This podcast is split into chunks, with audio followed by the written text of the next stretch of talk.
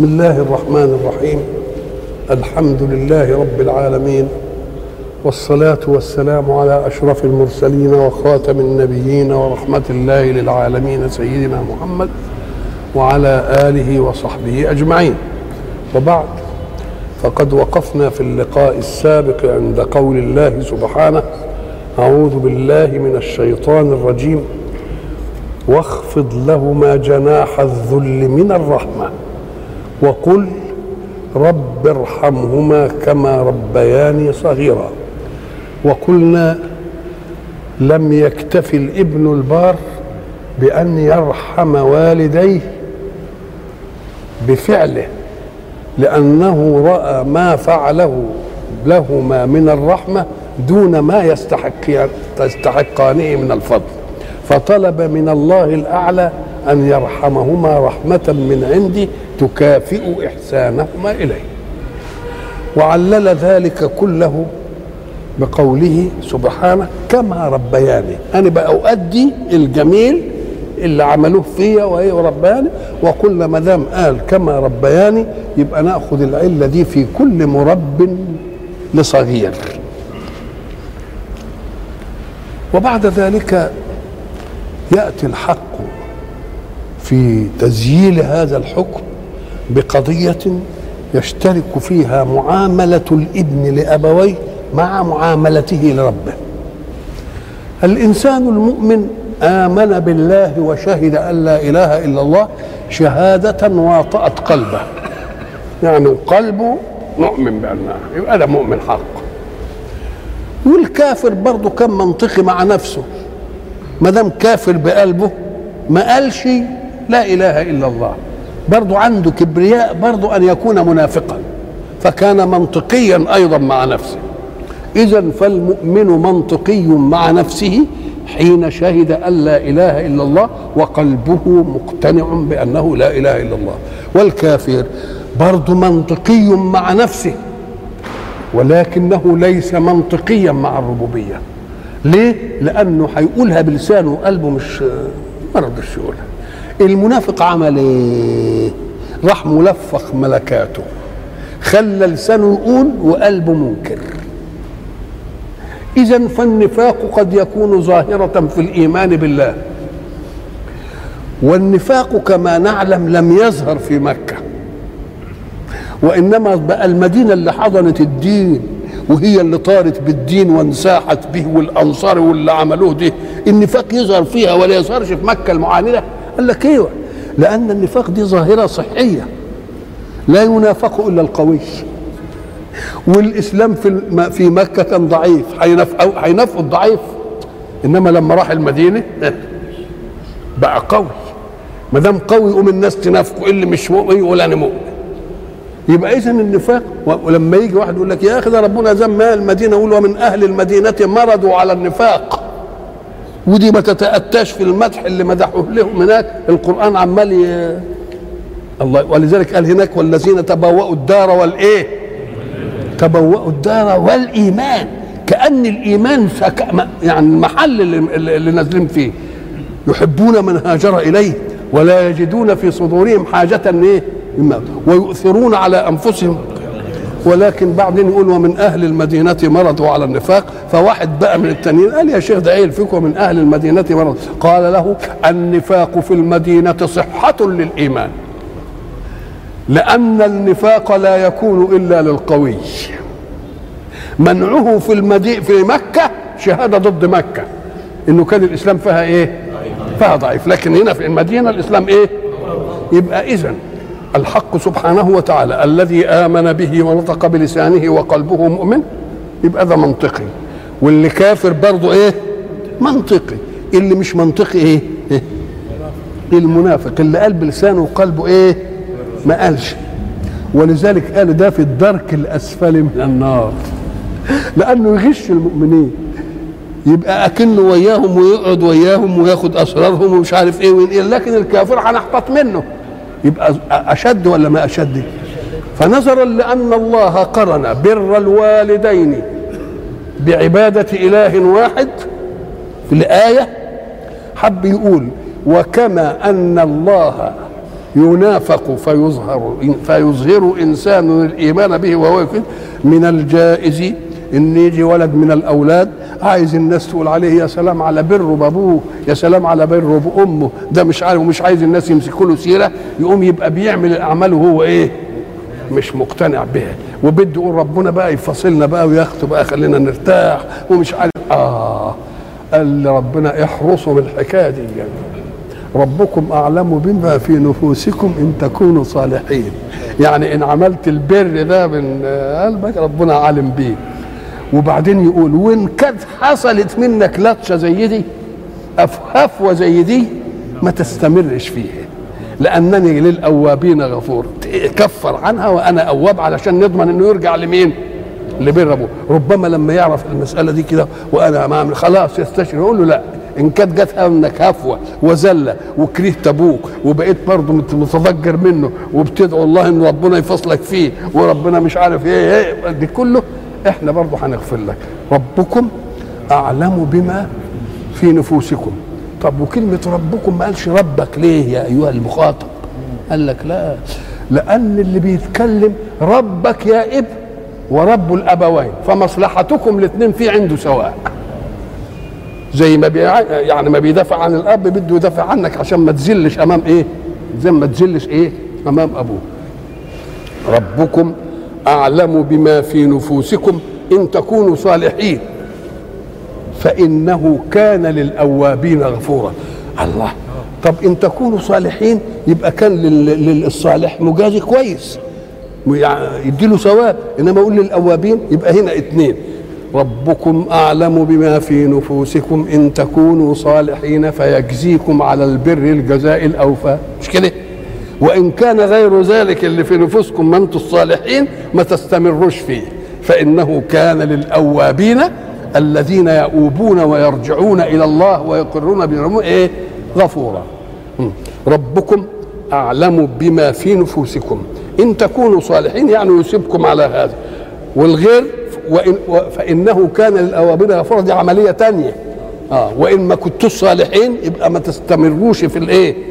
في في في عدم الصلاح وارجعوا لنفسكم كده وبروا أبوكم وأنا هغفر الايه هغفر اللي. وإحنا قلنا مشروعية التوبة من الله للمذنبين رحمة بالخلق ليه؟ لأن افرض إن واحد آه مثلا أسرف على نفسه في سيئة في غفلة كده وعمل سيئة لو ربنا ما شرعش التوبة السيئة دي تطرده ويعمل بقى سيئات الدنيا بقى يبقى المجتمع يشقى به ولا ما يشقاش لكن كونه يعمل سيئة يقول له لا ده أنت لما تتوب لي أفرح بك يمكن أبدلها لك حسنة.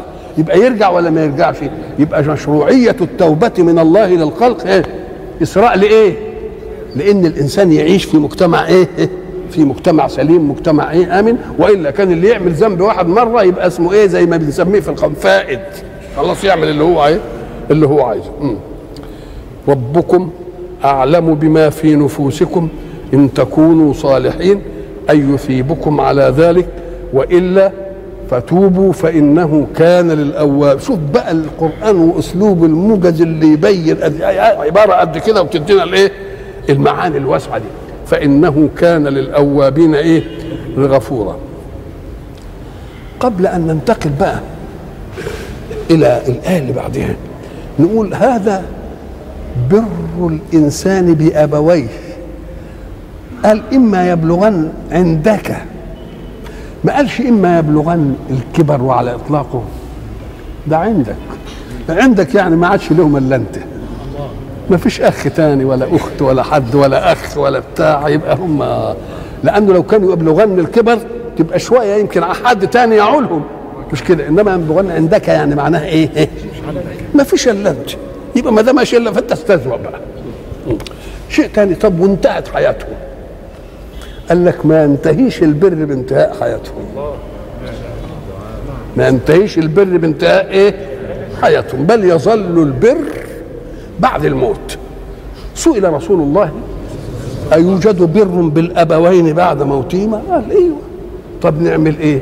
قال يصلي عليهما ويستغفر إيه؟ لهما وينجز عهدهم. إن كانوا عهدوا حد على حاجة كده ينجز العهد بتاعهم وي... وينفذ وصيتهم ويصل أصدقاءهم. الناس اللي كان أبوه بيحبهم ومش عارف إيه تقول له على إيه؟ على يبقى ود. ويصل رحمهم. والرحم هم القرابة من جهة الإيه؟ من جهة الأبو. يبقى إذا فيه بر بعد ما يموتوا كمان ولا لأ؟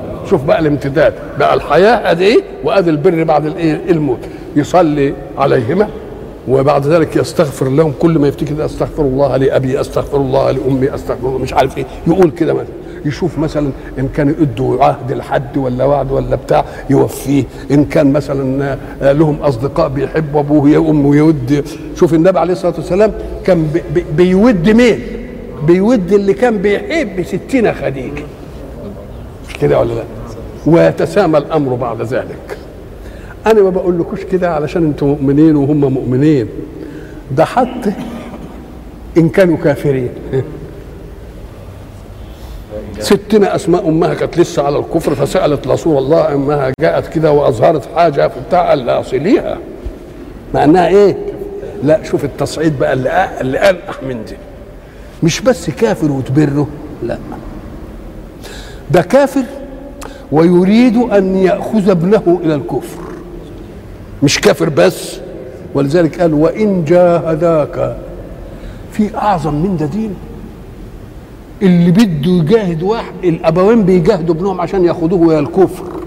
يقول له برضه وإن جاهدوك عشان ياخدوك مني ولا يخليكوش تؤمن بيا برضه صاحبهما في الدنيا معروفه الله ده كافرين بيك يا ربي. سهلة. إنما عايزين أنا أكفر كمان. يقول وإن جاهداك وكلمة وإن جاهداك يعني جاهدوا علشان إيه؟ يعني عندهم لذة في الكفر وزعلانين قوي اللي ابنهم مؤمن. فعايزين ياخدون الكفر يقول له برضه صاحبهما في الايه؟ شوف الارتقاءات بقى. بقى بعد الموت. بقى في الحياة لهما بر. وبعد الموت لهما بر. وإن كانوا كافرين بس وساكتين عنك يبقى لهم إيه؟ بر. وإن كانوا كافرين وعايزينك تبقى تكفر وياهم لهم إيه؟ لهم إيه؟ بر. يبقى إله إيه ده؟ إله الرحمة ده. إله رحمة ده ما فيش كلام. يعني كان الأصول إن الناس الكفرة بعد ما يسمعوا هذا الكلام يقوم يقول سيدنا إبراهيم واحد راح بالليل كده على الباب بتاعه وحب يستضيفه بتاعه بعدين قال له أنت دينك إيه؟ فقال له دينه مش عارف مجوسي ولا قام طنشه يعني وسابه وخلاه مشي. فأوحى الله إلى إبراهيم. يا إبراهيم يكفر بي كذا عاما وأسعه في ملكي. اطعمه وأسقيه وأكسبه. وأنت عشان هتبيته ليلة. عايز يغير دينه عشان خاطرك. إيش؟ فسيدي إبراهيم يحط ديله في أسنانه زي ما بيقولوا عندنا ويدور على مين؟ على الراجل دي لحد ما يقول له تعالى قال له أنا ما أنا جيت لك ولا سبتني ولا كلمتنيش ومش عارف. قال له ربنا عمل فيا كيت قال له ربنا عمل فيك أنت يا إبراهيم كده؟ قال له نعم الرب. رب يعاتب أحبابه في أعدائه. إيه ده؟ ده رب إيه دي؟ أشهد أن لا إله إلا الله وأنك رسول الله. ده رب إيه دي؟ فإذا البر بالآباء في الحياة برهما بعد الموت برهما إن كان إيه؟ كافرين برهما مش كافرين وإن جاهداك على أن تكفر برضه. المستشرقين بقى يقول لك القرآن ده فيه تضارب.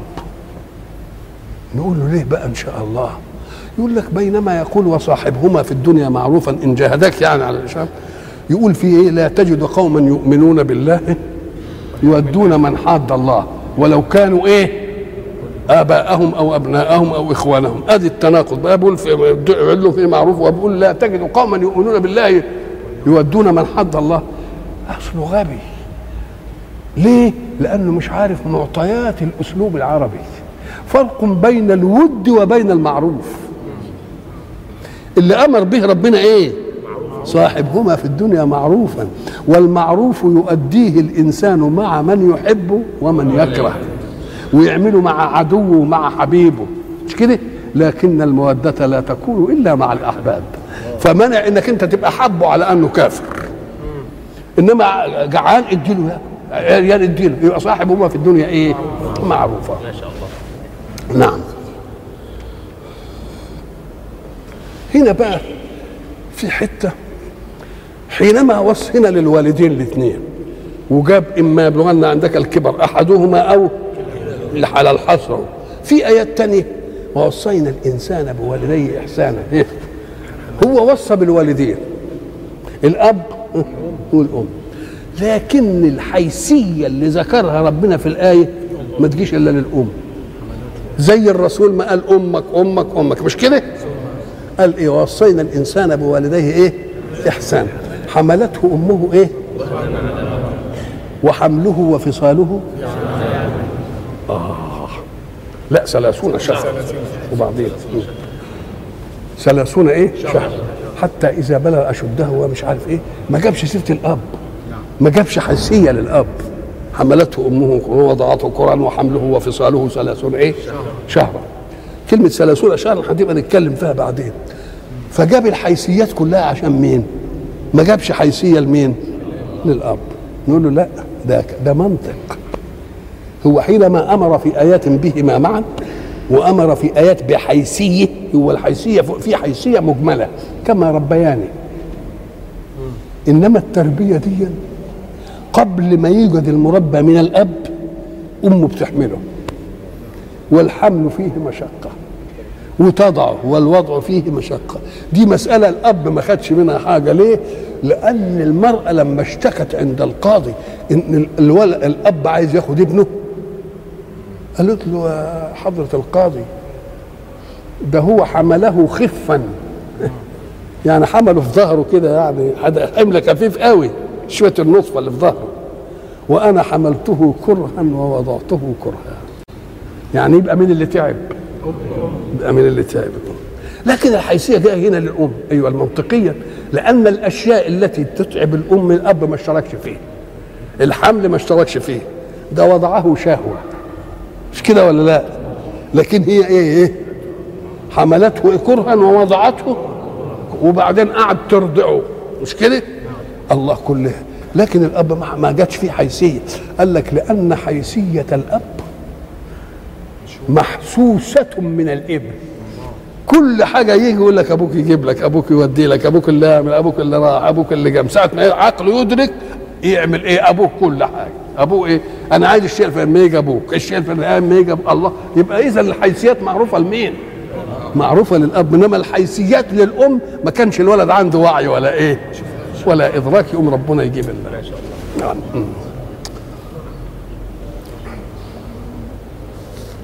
هات بقى بعد ما ينتقل من الأبوين اللي هي القرابة بقى القريبة يوسع الدايرة بقى شوية. ما هو حننوا على أبويه. يحننوا على أشياء هي بالنسبة له وسيلتها أبويه. الأقرباء اللي من جهة الأم ومن جهة المين يبقى نقلوا من مين؟ إيه؟ من الأبوين إلى إيه؟ القربى وآت ذا القربى حقه. القربى اللي هم من ناحية أبوه ومن ناحية مين؟ يبقى صعد المسألة. بعد ما بقى بحننوا على أبوه حننوا على قرابة مين؟ على قرابة أبوه وقرابة أمه. على الأول قال حقه؟ قال إيه؟ وربنا عملها حق. ليه؟ قال لك لأنك لا تؤتيه إلا إذا كان عن حاجة. وإلا فإن ما كانش عن حاجة زي ما هتدي له يديك. يهديك وتهديك مسألة متبادلة. فعملها ليه حق؟ أم قال لك إيه؟ لأن الحق سبحانه وتعالى يريد أن يشيع التكافؤ في المجتمع. ولذلك بعض فقهاء الأندلس كان إذا منع الرجل زكاة تقرب من النصاب قطع اليد يقطع يده. أكنه سرقه. قال لك مش ربنا قال عليه حقه؟ يبقى هو خد حقه. شوف شوف إزاي يعني ما دام خد حقه يبقى خده منه غصب وأنا أقطع إيده. أقطع إيده. قال لك فقهاء الاندلس كان عندهم إيه؟ تشدد لأنهم كانوا في بلاد ترف وفي بلاد غنى ولما كانوش وضعوا المسائل كده بحزم كده يمكن المسائل كانت إيه؟ تسيح منهم وتتفسر واحد مثلا المنذر بن سعيد يجي له الخليفة يقول له أنا حلفت يمين إنما رأيت إنني اتي وكفر عن اليمين. فقال له صم ثلاث أيام. قام واحد تاني قال له الله ربنا بيقول ناتي إلى أو أو أو إلى آخره. مش معنى يعني يصوم؟ قال له أو مثل أمير المؤمنين يزجر بإطعام عشرة مساكين؟ إنه يطعم كل يوم ألف. إحنا عايزين الحاجة اللي إيه اللي تحرقه في مناخيره. شوف إزاي واخد. واخد الحكم بالروح مش بالإيه؟ مش بال... مش بالنص. فقال لك لما يمنع ال- النصاب الزكاة ده من أقطع إيده. طيب عال قوي اذا كلمة حق وردت في القرآن على نوعين. حق بس كده غير موصوف وحق موصوف بأنه معلوم. لما يتكلم عن المؤمنين وفي أموالهم حق معلوم. اللي هو الزكاة اللي بنفرض 2.5% العشر نصف العشر معلوم. لكن الحق الثاني اللي ما وصفوش بأن معلوم حق من يدخل في دائرة الإحسان. الإحسان إنك أنت تتطوع بجنس ما فرض الله أكثر مما فرض الله. اللي قال إنهم كانوا قبل ذلك إيه؟ محسنين. كانوا قليلا من الليل وبالأسحار وفي أموالهم حق للسائل والمحروم. ما قالش مين؟ ما قالش معلوم. ليه؟ لأنه ده في مقام الإيه؟ الاحسان اللي هو إيه؟ الزيادة عما فرض الله من جنس ما فرض الإيه؟ ما فرض الله. وساعة ما نقول له ده حق يجب إن اللي هيؤدي اللي يصل أو يزكي أو يعطي المال ما يزعلش من إنها حق. قال لك ليه؟ قال لك لأن دي تأمين لك. لأنك تفهم وترى الدنيا أغيار. كان غني وبقى إيه؟ وكان صحيح وبقى إيه؟ وكان قادر وبقى إيه؟ عاجز. فلما أقول إنه حق ليك تقوم تطمئن إلى أنك تعيش في مجتمع إن دارت بك الدائرة وأصبحت فقيرا يبقى لك إيه؟ يبقى لك حق. زي بتاع التأمين. حقك أو تاخده. يبقى دي ليك أنت ولا مش ليك؟ يبقى دي علشان عشان تجابه الحياة بإيه؟ بقوة. وتجابه الحياة بغير خور وبغير ضعف وتعلم أنك وان كنت غني لما تفتقر المجتمع في حق لك إن سبت عيالك ما عندهمش حاجة المجتمع متكفل إيه؟ متكفل بهم يوم الإنسان يعيش إيه؟ يعيش وليخشى الذين إيه؟ لو تركوا من خلفهم ذرية ضعافا إيه؟ خافوا عليهم يعملوا إيه؟ فليتقوا الله وليقولوا قولا سديدا ادي في ايد ربنا يديله ويعمل له كل نعم وآت ذا القربى أصحاب القرابة. حقة. وال وال والناس بقى اللي, اللي عندهم بقى ارتقاء أو أو إسراء لورعهم يقول لك أنا ما أديش قريبي من الزكاة أبدا. عيب إن أدي قريبي من الزكاة أنا أديله من من الخالص بتاعي. الزكاة ده خليه للفقير التاني. إنما إنما أدي قريب أنا من الزكاه أخي. أدي ابن عمي والتاني والتالت من الزكاه لا. ادي له من إيه؟ من مالي أنا. وأسيب الزكاة لمين؟ أسيب الزكاة للفقير. وآت ذا القربى حقه. والمسكين. مسكين هو الذي قد يملك إلا أنه يملك ما لا يكفيه. بعضهم يقول لك لا ده المسكين هو ما يملكش شيء والفقير هو ما يملك لكن لا ما يكفي. بالعكس يعني. نقول له لا أنت إن قلت ذلك تناقض قول الله. لأن الله قال في كتابه أما السفينة فكانت لمساكين يعملون في البحر. يبقى أثبت لهم حاجة بس ما بتقضيش. الله وآت ذا القربى حقه والمسكين وابن السبيل. آه ابن السبيل الواحد عادة ينسب إلى بلده. ابن بورسعيد ابن السويس ابن مش عارف إيه.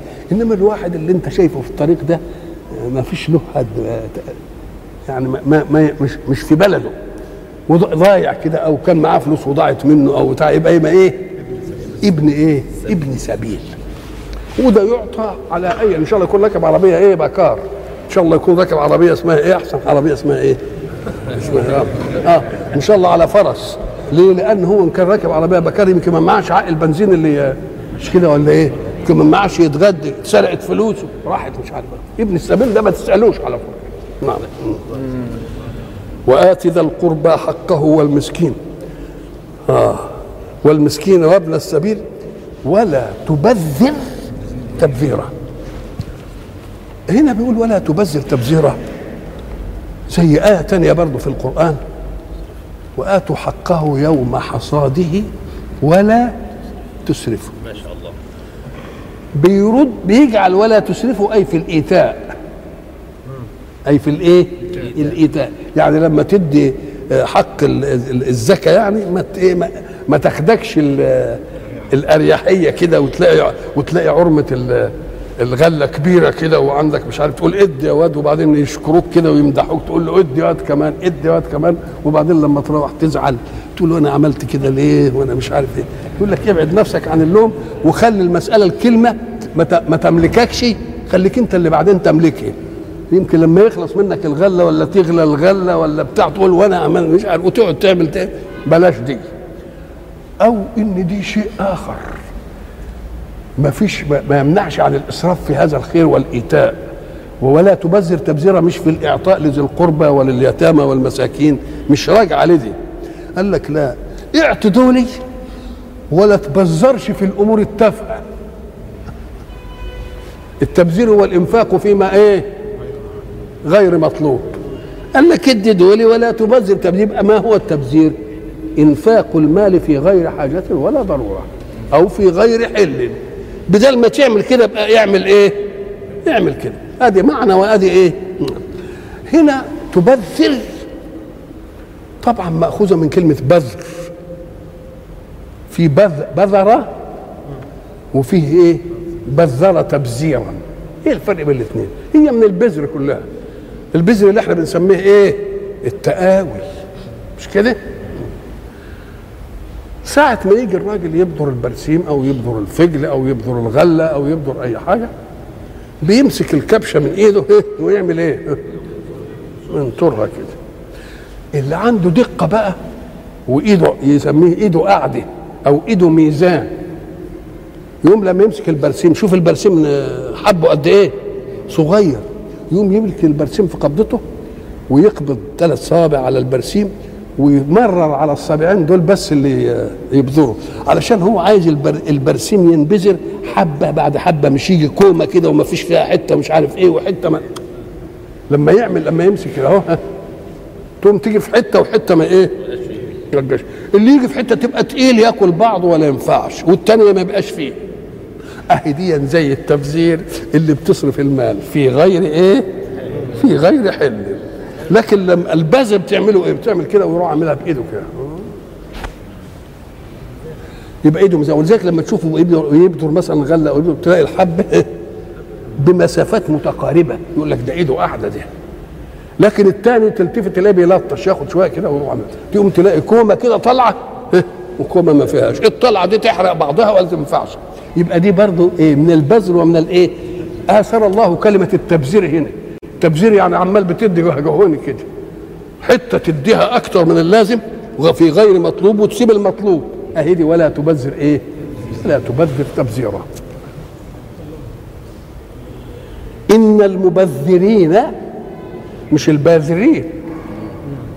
المبذرين. كانوا إخوان الشياطين. إخوان الشياطين قال لك ما أقول لك أخو الشياطين يعني تجمعه بالشيطان إيه؟ أخوة ومحبة ومودة. إيه هي في الشر؟ يبقى إخوان الشياطين يج- يجمعهم بالشياطين إيه؟ الشر. طب واللي يجمعهم بالناس التقوى؟ قال لك ما هو ربنا قال برضه قال لمريم ستنا مريم قال لها إيه؟ يا أخت هارون. يا أخت مين؟ أخت يعني هو كانت فين؟ أين هارون؟ ده بينهم 11 جيل. هارون أخو موسى وستنا مريم إنما يا أخت هارون يعني في إيه؟ في الورع والتقوى. يبقى الأخ معناها إيه؟ يجتمع مع غيره في شيء. فإن اجتمع في الشر يبقى إخوان مين؟ الشياطين وإن اجتمع في خير يبقى يا أخت هارون. زي ما أنت تلاقي واحد كريم الآن. شوف حاتم بقاله قد إيه؟ تقول له يا أخ حاتم. يا اخ عنترة يا اخ إياس يا اخ إياس. فين إياس وفين دي؟ تقوم تقول له مجتمع معاه في إيه؟ في خصلة. يبقى مثلا إخوان الشياطين يعني من اجتمعوا مع الشياطين في هواية واحدة وود واحد يجمعهم وهو الشر. فإن اجتمع في شيء يبقى إخوان. ربنا سبحانه وتعالى يبقى دي إخو... آه آه إن, آه إن المبذرين كانوا إيه؟ إخوان الشياطين. ما هيش إخوان نسب بقى لأن ده من جنس وده من إيه؟ ولذلك كلمة أخ تجمع مرة على إخوة ومرة على إخوان. فلما تريد النسب يبقى أخ وإخوة. وجاء إخوة يوسف. يبقى إخوة مين دول؟ لكن إخوة اللقاء في أي مبدأ خير وهو إلى آخره يسموهم إيه؟ إخوان. ولذلك إيه؟ وكنتم على شفا حفرة من النار فأنقذكم. وهناك قال فأصبحتم بنعمة الله إيه؟ إخوانا. لكن الأخوة في الدين وفي الخصال الكريمة وفي الخير قد تتسامى حتى تصل إلى مرتبة مين؟ الأخوة في الإيه؟ الأخوة في النسب. ولذلك يقول في ايات أخرى إنما المؤمنون بوصف الإيمان إخوة. إنما المؤمنون إيه؟ إخوة عملهم زي إخوة مين؟ إخوة النسب يبقى على الإطلاق والعموم يبقوا اخوان اللي يشترك مع واحد في شيء ياخد يبقوا إيه؟ اخوان خلاص؟ ولذلك المبذرين إخوان الشياطين ده جمع إنس وإيه؟ وجن. ما فيش مش من الجنس حتى. كلام لكن إذا تسامت الأخوة في أي شيء تبقى دي إيه؟ إخوة. إنما المؤمنون إخوة على الأول. طيب. آه ولذلك آه القصة بتاعت آه غزوة بدر. غزوة بدر بقى طلع جماعة من ال ال ال النفير اللي طالع من مكة وجم الجماعة من المدينة والتحم الجيشين الأسرة الواحدة كان فيها المؤمن وايه وفيها الكافر. فالمؤمن كان جاي ويا النبي من المدينة والكافر جاي ويا قومه من مين؟ من مكة في النفير. مثلا آه مصعب بن عمير. ده آمن. وهاجر إلى المدينة والرسول بعثه ليعلم أهل المدينة الفقه والدين وأخوه أبو عزيز لا يزال على كفره في مين؟ في مكة. أبو عزيز أخوه. وكان مصعب بن عمير يسموه مدلل مكة. يعني يلبس اللباس الفاخر المعطر والزينة اللي مش عارف إيه وكانوا أغنياء قوي ومع ذلك آثر الإيمان على هذا النعيم. وذهب إلى المدينة حتى رآه رسول الله صلى الله عليه وسلم مرة وهو لابس جلد شاه. جلد شاه ما فيش توب عمل جلد شاه كده زي الفروة عملوا لباس فيقوم النبي يبص له كده يقول انظروا كيف فعل الإيمان بأخيكم. شوف الإيمان عمل إيه؟ خلاه يسيب الإيه؟ النعيم اللي هناك ويجي قال يلبس من فلما وجدوا في موقعة بدر مصعب بن عمير مع رسول الله صلى الله عليه وسلم في المعركة وبعدين نظر فإذا بأخيه أبو عزيز قد أسره رجل من المسلمين اسمه أبو اليسر. فساعة ما شافه كده قال له يا أبا اليسر. التفت له واتلفت أخوه له اشدد على أسيرك. يعني إيه, إيه؟ امسكه كويس وهو هيفلت منك لأن أمه غنية. وستفديه بمال كثير. يعني يا بختك ده أنت لقيت فأخوه يبص له يقول له يا مصعب أهذه وصاتك بأخيك؟ بقى دي الوصية بتاعتك بأخوك؟ قال له هذا أخي دونك. أدي أدي إنما المؤمنون إيه؟ إنما المؤمنون. إن المبذرين طب وإشمعنى المبذرين إخوان الشياطين؟ لأن الشيطان بذر طب انت عاصي يا شيطان في ذاتك. أسرفت ليه؟ وحبيت تعدي المعصية إلى غيرك. يبقى ده إسراف ولا لا؟ آه. إن المبذرين كانوا إيه؟ إخوان الشياطين. وكان الشيطان لربه إيه؟ كفورا. الشيطان لربه كفور. مش كافر بس ده كفور لأنه هو كافر إيه؟ وبده يعمل إيه؟ وبده يكفر إيه؟ يكفر غيره.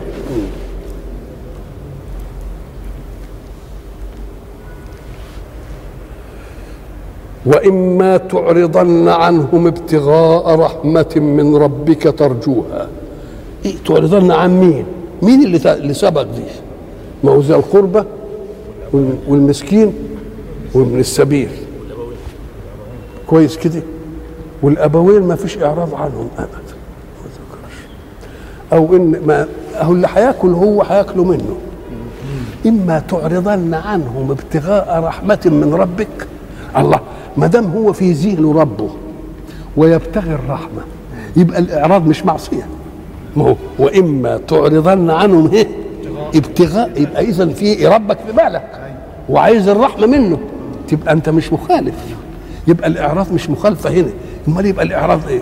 قال لك ساعات يجي لي القريب يجي لي المسكين يجي لي ابن السبيل ويطلب مني حاجة. وأنا ما عنديش. فأنا أن أخجل أواجهه بوجهي. لأن ما عنديش. وفي الوقت دي بتبتغي من ربك رحمة ورزق علشان إيه؟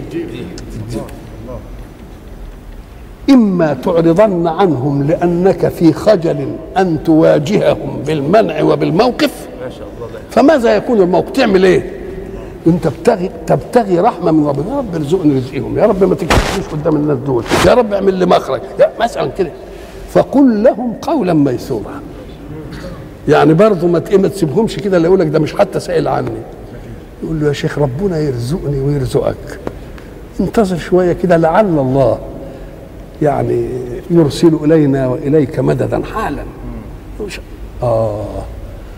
تقول له يعني يا أخي والله أنا أنا أنا خجلان. أنت أول مرة تجيني أول مرة مش عارف إيه تجيني. أنا تقعد تعمل له قول تحنن قلبه عشان تفهمه إنك إيه؟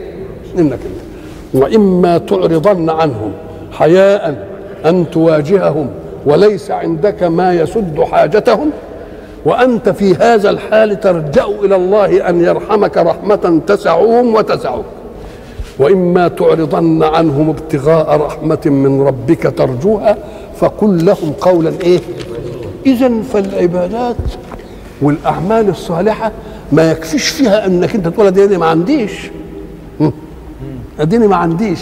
تقول له لا برضه لك كلام أنك تقول لهم قول قول معروف ومغفرة خير من صدقة يتبعها. إيه يمكن لما ما تكلموش يقول ده مش مستعنين ده مش عارف إيه ده حتى ما ردش عليا ده حتى ما حطش وشه في إيه؟ في وشي ولا انتش عارف إن هو ما حطش وشه في وشك لأنه لأنه خجلان ولذلك في كثير من المسائل الحق سبحانه وتعالى يبين لنا ارتقاءات اليقين في النفس البشرية. يعني مثلا الله سبحانه وتعالى آه، آه، الأعمى عذره في الجهاد. ليس على الأعمى إيه؟ ولا على الأعرج ولا على المريض ولا على الذين. إذا ما أتوك لتحملهم قلت لا أجد ما أحملكم عليه يبقى هم جايين جايين لحدك اهم فقلت لهم أنا ما عنديش إلا الركائب اللي تركبوها ولا حاجة تقضيكم تولوا مش بس تولوا وقالوا بقى إحنا عملنا اللي علينا قال لك تولوا وأعينهم تفيض من الدمع حزنا الا يجدوا ما ينفقون. يبقى اذا مش بس كده إنك ما خلاص ما معكش وخلاص. لا يبقى في عمل إيماني. كنت تحب أن يكون منهم إيه؟ ولا على الذين إذا ما أتوك لتحملهم قلت إيه؟ لا أجد ما أحملكم عليه تولوا وأعينهم تفيض من الدمع حزنا أن لا يجدوا إيه ما ينفقون يبقى اذا كل ارتقاءات في مسائل اليقين ربنا ما يسلمهاش إلا الأعمال النزوعية مش عندي تبقى الأعمال القولية تيجي تبقى الأعمال العاطفية تيجي أو تفيض أعينهم عمال إيه نعم. وليس على كذا ولا كذا. إذا نصحوا لله ورسوله ما على المحسنين من سبيل. يقوم يروح للناس اللي عندهم قدرة يقول له يا شيخ أنا رحنا نركب عند النبي قال ما عنديش عمل. يا شيخ تبرعوا من المال اللي عندكم. شوف بقى يبقى عملوا كم مرحلة. تولوا وأعينهم تفيض إيه؟ حزنا ألا يجدوا ما ينفقون. وراحوا لمن يقدر على إيجاد شيء يقولوا إذا نصحوا لله ولرسوله ما على المحسنين إيه؟ من سبيل. وإما تعرضن عنهم. يبقى الإعراض هوش معصية هنا لأنه إعراض الحياء ابتغاء رحمة طلب رحمة من ربك ترجوها أي برزق يأتي ليسع حاجتهم ويسعك. فقل لهم قولا إيه؟ لأنك لو لم تتكلم معهم بالقول الميسور ظل ظنوا إنك أنت مش عايز تبص في وشهم لأنك أعرضت ولا تكلمهم لأنك متكبر إيه عليهم. ولا تجعل يدك مغلولة إلى عنقك ولا تبسطها كل البسط فتقعد ملوما محسورا دي مناسبة للإنفاق بقى. ما هو قال هناك ولا تبذر إيه؟ تبذر عايز يعمل الموازنة بقى التوازن. لا تجعل يدك مغلولة. اليد عادة يقول لي فلان يد عندي. اياديه عليا ما تنعدش مش إحنا بنقول كده؟ اياديه إيه يعني النعم اللي أداها لي؟ لأنها عادة تؤدى بالإيه؟ باليد. فقال لا تجعل يدك اللي بها العطاء مغلولة إلى عنقك كده مربوطة. ولا تبسطها كل البسط. يبقى فيه نهي عن أمرين اثنين. إنك ما تجعلهاش مغلولة لأن دي معناها إنك ما تنفقش خالص. ولا تبسطها كل البسط. يبقى فيه بسطين اثنين بسط مباح وبسط غير مباح. إيه البسط المباح؟ المناقض لكل. يبقى ابسطها بعض الإيه؟ بعد البسط.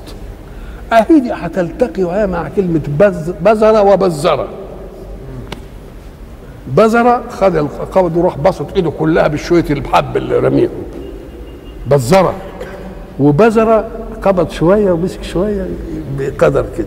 اهي دي قدها تمام. لا تبسطها كل البسط. يعني ابسطها بعض البسط. ابسطها بعض البسط هي اللي عملية اللي إحنا بنقول عليها البذل بيشغل صابعين وقابض على مين؟ على صابع. إن بسط كل البسط ما يخليش حاجة. مش كده؟ إن ما إن ما إن ما بسطهاش خالص ما يديش حاجة. يبقى ابسطها بعض البسط. أهدي والذين إذا أنفقوا إيه؟ لم يسرفوا ولم يقتروا وكان بين ذلك إيه؟ قواما يعني متوسط ولا تجعل يدك مغلولة إلى عنقك ولا تبسطها كل البسط إذا المطلوب بسطها بعد البسط وبعد البسط يعطي أنك بذلت شيئا واحتفظت بإيه واحتفظت بشيء إحنا قلنا بذلت شيئا واحتفظت بشيء. قلنا في حلقة سابقة هنا أيضا إنك حين يعني تنفق بعض الشيء تسري حركة الحياة. لأن معنى تنفق هتشتري بقى سلع ولا تعمل أي حاجة؟ يبقى التجار هيبيعوا ولا ما يبيعوش؟ أدي واحدة. ولما يبيعوا التجار يبقى الصناع يعملوا إيه؟ يشتغلوا وما دام الصناع يشتغل يبقى ما فيش إيه؟ بطالة. إنما لو قبضتها ولا أنفقتش مش هتشتري سلع. الايه الحال يعمل إيه؟ يروح واقف. لا تجار ولا صنايعية ولا بيزرع ولا أي حاجة. تبقى الحركة تتعطل ولا لا؟ يبقى ربنا عايز حركة تمشي. فلازم تنفق. لكن ما تنفقش الكل. لأنك لو أنفقت الكل لا تستطيع أن ترقي حياتك. إحنا قلنا قلنا في الحلقة ديك اللي هينفق كل دخله ما يجيش يوم يجيب له ثلاجه ما يجيش يوم يجيب له عربية ما يجيش يوم يبني له بيت. إنما اللي انفق شوية وخلى شوية يعمل إيه؟ اللي انفق شوية مشى السوق. الحركة مشيت. وخلى شوية إيه؟ رفع مستواه. إن ما عملتش كده وجعلت إيدك مغلولة على عنقك الدنيا اتعطلت كلها. وانبسطتها كل البسط. ما ترتقيش حياتك. تفضل مجمد على الوضع بتاعك. ساكن في أوضة هتفضل ساكن في أوضة. مش كده ولا لأ؟ ما يجيش يوم تسكن في شقة ما يجيش يوم تبني بيت ما يجيش يوم تعمل حاجة. يبقى ربنا عايز الحركتين تمشوا. الارتقاء الاجتماعي والارتقاء الذاتي. الارتقاء الاجتماعي بإنك تبذل عشان حركة السوق تمشي. وإنك أنت تدخر علشان حركة ارتقائك الفردي؟ تمشي. ولذلك إن ما عملتش بالنصيحة دي إيه اللي يحصل؟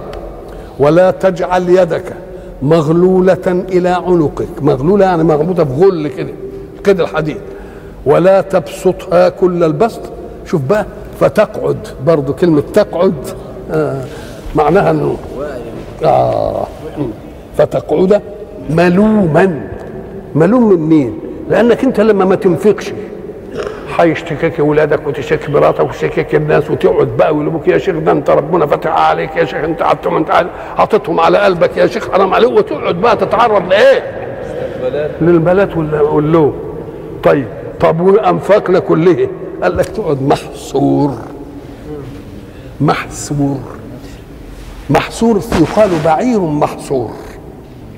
وهو الذي ضعف حتى لم ينهض بحمله. يعني يجي يحملوه كده ويقوم ما يقومش. يبقى محصور يعني إيه؟ تضعف عن إيه؟ عن ارتقاءات الحياة وتحمل أعبائها. ما يبقاش عندك حاجة. وده اللي بيحصل ولا ما بيحصلش؟ وإلى لقاء آخر إن شاء الله.